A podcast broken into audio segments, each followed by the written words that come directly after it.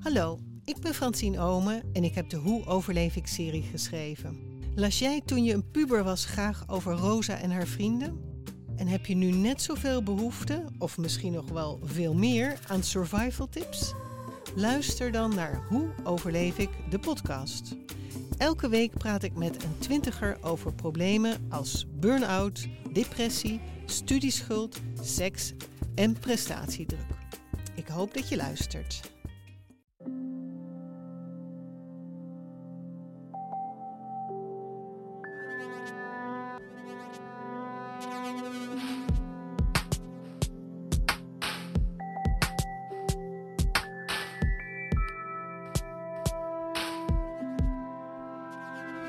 Hey, de Relaas Vertelavonden nemen even een zomerstop, tot oktober.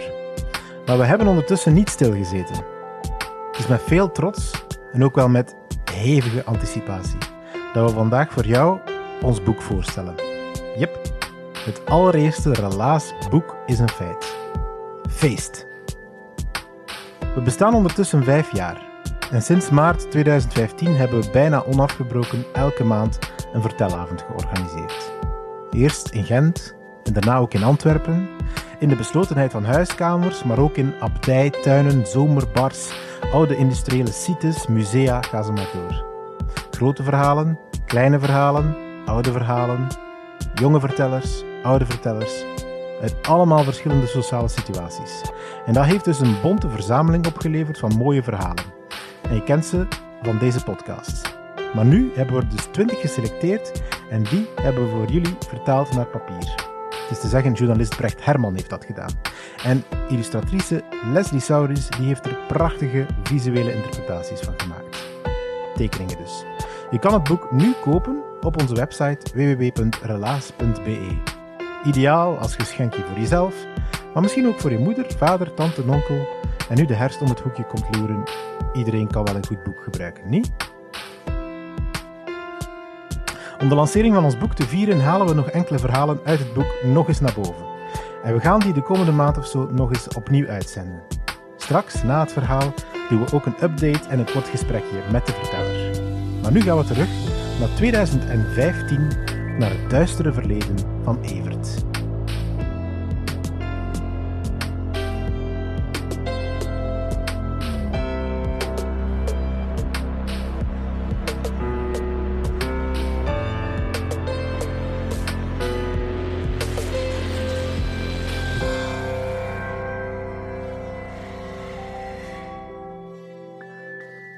Zijn er in de zaal mensen aanwezig die met de hand op het hart durven zeggen dat ze nog nooit iets gestolen hebben? Zo nou eh, iets gepikt? Nog nooit iets meegenomen dat niet van u is? Er zijn een aantal mensen die uh, diep in de grond aan het kijken zijn. Uh, geen paniek, ik vraag daar geen, vraag op, uh, geen antwoord op die vraag. Uh, ik wil gewoon bekennen dat ik ook schuldig ben. Ik ga vertellen over de diefstal waarvoor ik verantwoordelijk ben. Dat is. De diefstal speelt zich af drie jaar geleden, de zomer van 2012. Uh, op dat moment wordt een uh, goede vriend van mij voor het eerst vader. Hij krijgt een zoon, zijn eerste zoon. Um, en ik weet niet hoe dat bij jullie gaat, maar bij ons is het zo dat als je een kind krijgt, dat er een vaderspintje wordt gedronken. Uh, in dit geval zou dat vaderspintje uh, doorgaan in Kortrijk, want ik kom daar in de, de buurt vandaan. En mijn kameraad woont daar ook. Um, ik ga dus naar Kortrijk uh, om dat vaderspintje te gaan uh, nuttigen met mijn kameraden. Ik woon er zelf niet, ik woon in Gent, maar mijn broer woont ook in Kortrijk.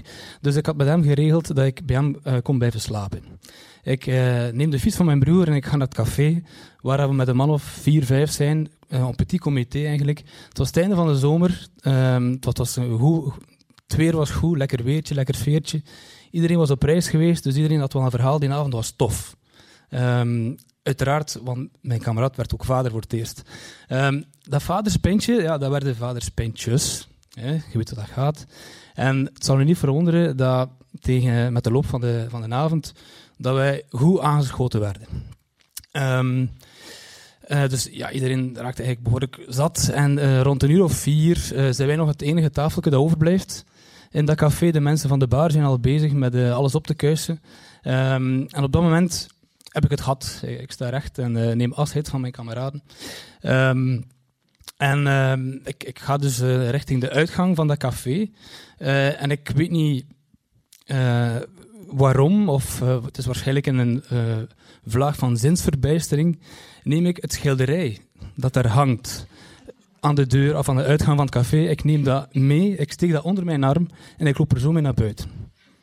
Uh, ik, ja, ik uh, fiets dus naar huis met dat schilderij onder mijn, uh, onder mijn arm. Ik fiets naar het huis van mijn broer uiteraard, want het was in Kortrijk.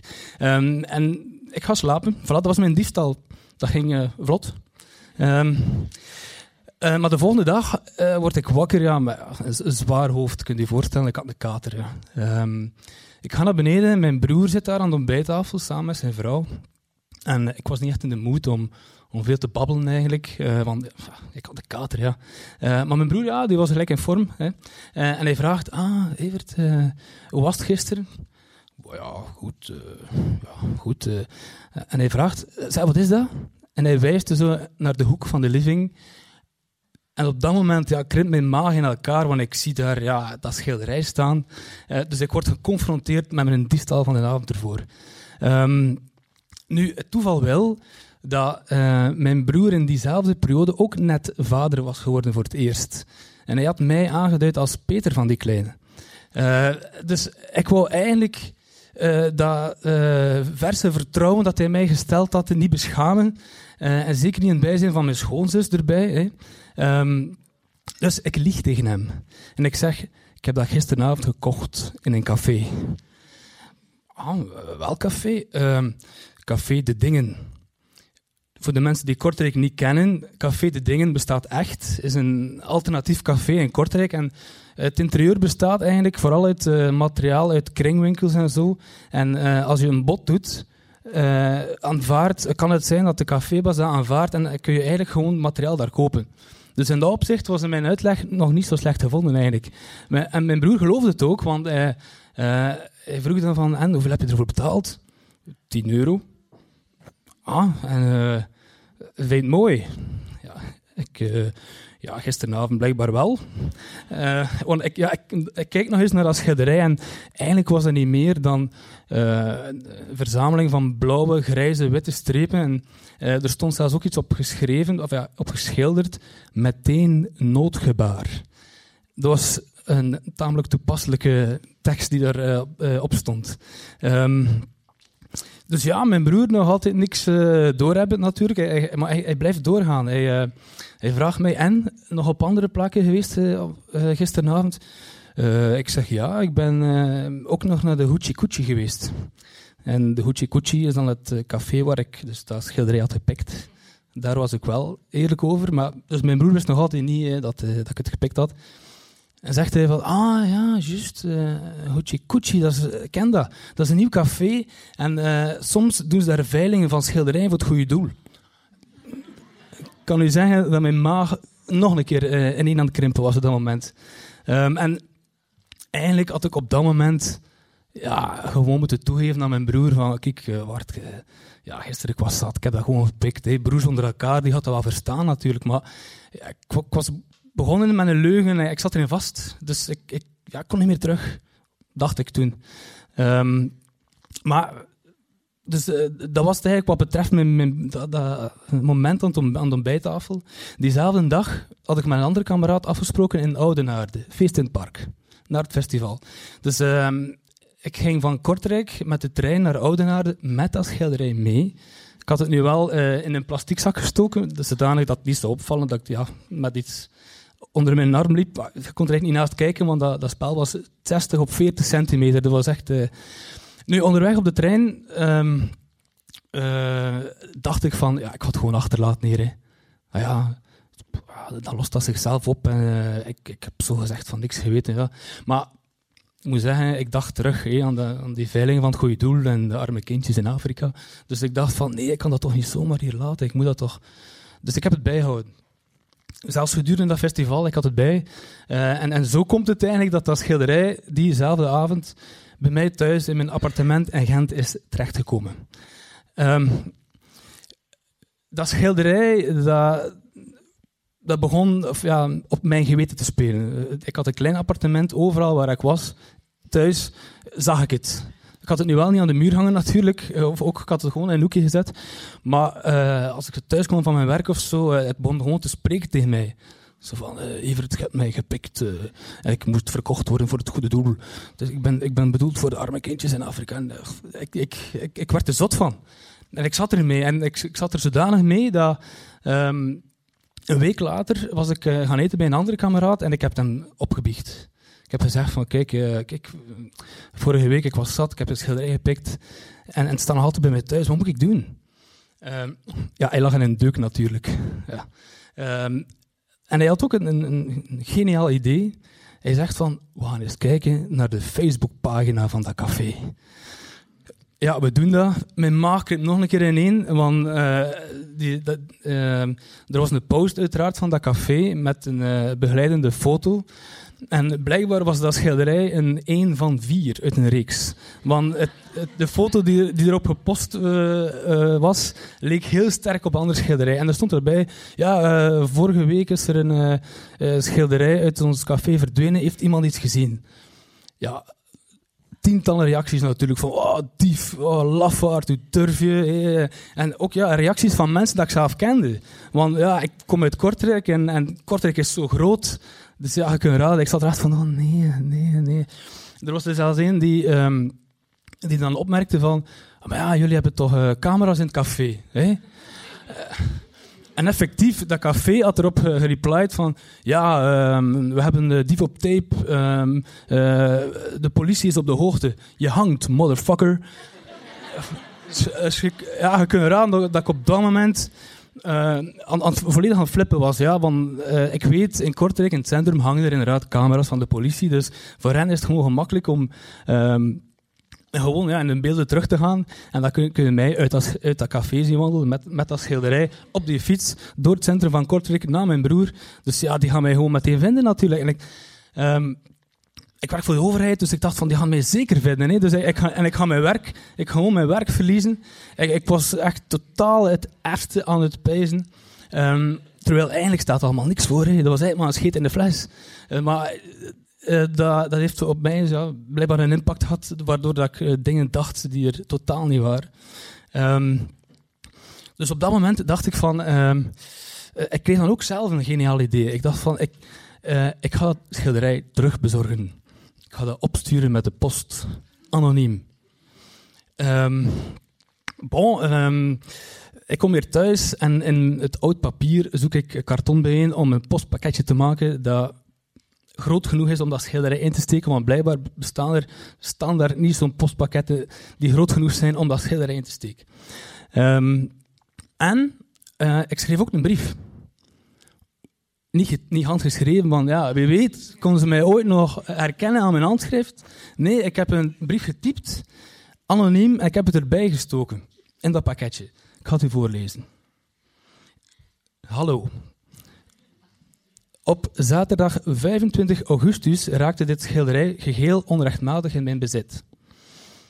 Ik heb het namelijk tijdens een bezoek aan uw café, vlak voor sluitingstijd, gewoon van de muur gehaald en meegenomen. Dat er een stevige portie alcohol mee gemoeid was, zal u waarschijnlijk niet verwonderen. Ik zoek geen excuses. Zomaar een schilderij meenemen is natuurlijk fout. Daarom wil ik hiervoor mijn oprechte excuses aanbieden en het werk u op deze manier terugbezorgen. Ik doe dit anoniem, omdat ik gewoon te beschaamd, in uw ogen misschien te laf, ben om dit persoonlijk te doen. Ik heb een paar keer op het punt gestaan om het toch zelf te komen brengen, maar de schaamte viel me te zwaar. Hopelijk begrijpt u dit. In ieder geval, indien u ooit mijn identiteit achterhaalt, hoop ik dat u mij deze misstap vergeeft. Ik wens u nog veel succes met uw zaak. Dat was dus uh, mijn brief die bij dat pakketje behoorde. En daarmee ging ik dus naar uh, het postkantoor hier in het centrum van Gent. Um, ik kom daartoe het is uh, mijn beurt en um, ik krijg van die mevrouw aan de, aan de kassa daar, of aan de toonbank, uh, die plakt zo'n sticker op dat pakketje, waar ik dan het adres moest opschrijven van de geadresseerde. Dat was makkelijk te vinden, het adres van dat café natuurlijk. Maar blijkbaar moet je ook, als je een pakket verstuurt, eh, de naam en adres van de afzender erop zetten. Mijn maag weer ineen. Want ik dacht van, allee, ik ga toch niet op zo'n manier door de mand vallen. Allee, wat is dat nu? Um, dus wat doe ik? Uh, ja, ik besluit om nog eens te liegen. Hè. Um, ik zeg, ja mevrouw, uh, ik zou het eigenlijk anoniem willen opsturen, want het is voor de vrijgezellen van de kameraad en hij gaat dan dat pakket krijgen, dat is een eerste opdracht en zo. Hè. Het was zo twee seconden stilte. Waarop die madame... Oh, zo tof! Oh, oh bij ons bestond dat allemaal niet. Oh. Dus die geloofde dat. Ik opgelucht natuurlijk. Um, en ze zei van, ja, weet je, kijk, um, schrijf het adres op van dit postkantoor en vind gewoon een naam uit. En dan heb ik niks gezien. En dus zo haar, haar handen gespreid over haar ogen. Uh, dus ik schrijf, uh, ik vul in bij het adres uh, Lange Kruisstraat 55, 9000 Gent. Dus het adres van het postkantoor. En dan ja, moest ik nog een naam uitvinden. Um, het moest rap gaan, dus ik was niet zo origineel op dat moment. Ik was Jan Janses. Um, dus ik was nog niet helemaal, um, ik was nog niet helemaal gerust in, maar ik dacht van, ja, nu moet er nog terechtkomen natuurlijk. Hè. Maar als je een pakket opstuurt met de post, dan krijg je zo'n code om dat online op te volgen. Dus een aantal dagen later, uh, ik zit thuis, ik doe mijn computer aan en uh, ik um, wil zo surfen naar de site van Bpost. Maar net op dat moment dacht ik van, ah ja, nee. De politie ga mijn IP-adres kunnen terugvinden. Ha, ik ga zo stom niet zijn om te sneuvelen vlak voor de finish. No way. Dus wat doe ik? Ik doe mijn computer toe. Ik rijd naar de Sleepstraat om in een internetcafé te surfen naar de site van Bpost.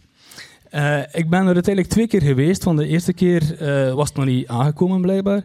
En de tweede keer had ik dan gezien uh, dat het pakket dus uh, afgeleverd was. Um, en ik dacht van, ja, ik ga nog eens surfen naar die Facebookpagina van dat café natuurlijk. En uh, effectief, uh, het uh, pakket was toegekomen in het café, want ze hadden zo'n collage gemaakt van drie foto's. dus inzoomend op, mijn, op het schilderij, op mijn brief en ook op de afzender.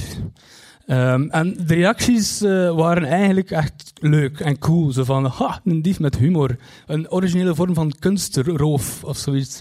Um, en, uh, dus ik was eigenlijk opgelucht dat het uiteindelijk was terecht te komen. En er is één reactie die mij altijd is bijgebleven. Dat was van een meisje die uh, eerst uh, een stukje uit mijn brief, mijn anonieme brief, citeerde. Ehm, Indien u ooit mijn identiteit achterhaalt, waaraan, waarop dat zij dan zelf toevoegt. Ja, niet moeilijk. Als je je naam en adres toevoegt, Jan Janssens. Dus, en, op dat moment dacht ik bij mezelf, kijk, uh, het was misschien dom om dat schilderij toen van de muur uh, te, te, te, nemen, maar er is op deze wereld nog één iemand die dommer is dan mezelf. Dank u.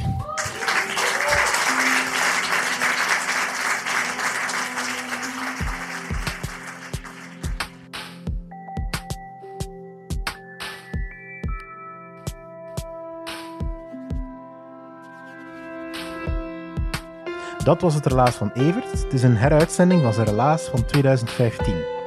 Samen met nog 19 andere verhalen vind je het dus terug in onze eerste, echte, fantastische relaasboek. Uitgegeven bij Borgerhof en Lambrechts. Je kan het nu meteen al kopen via onze website of via de website van Borgerhof. Maar onze website dat is www.relaas.be.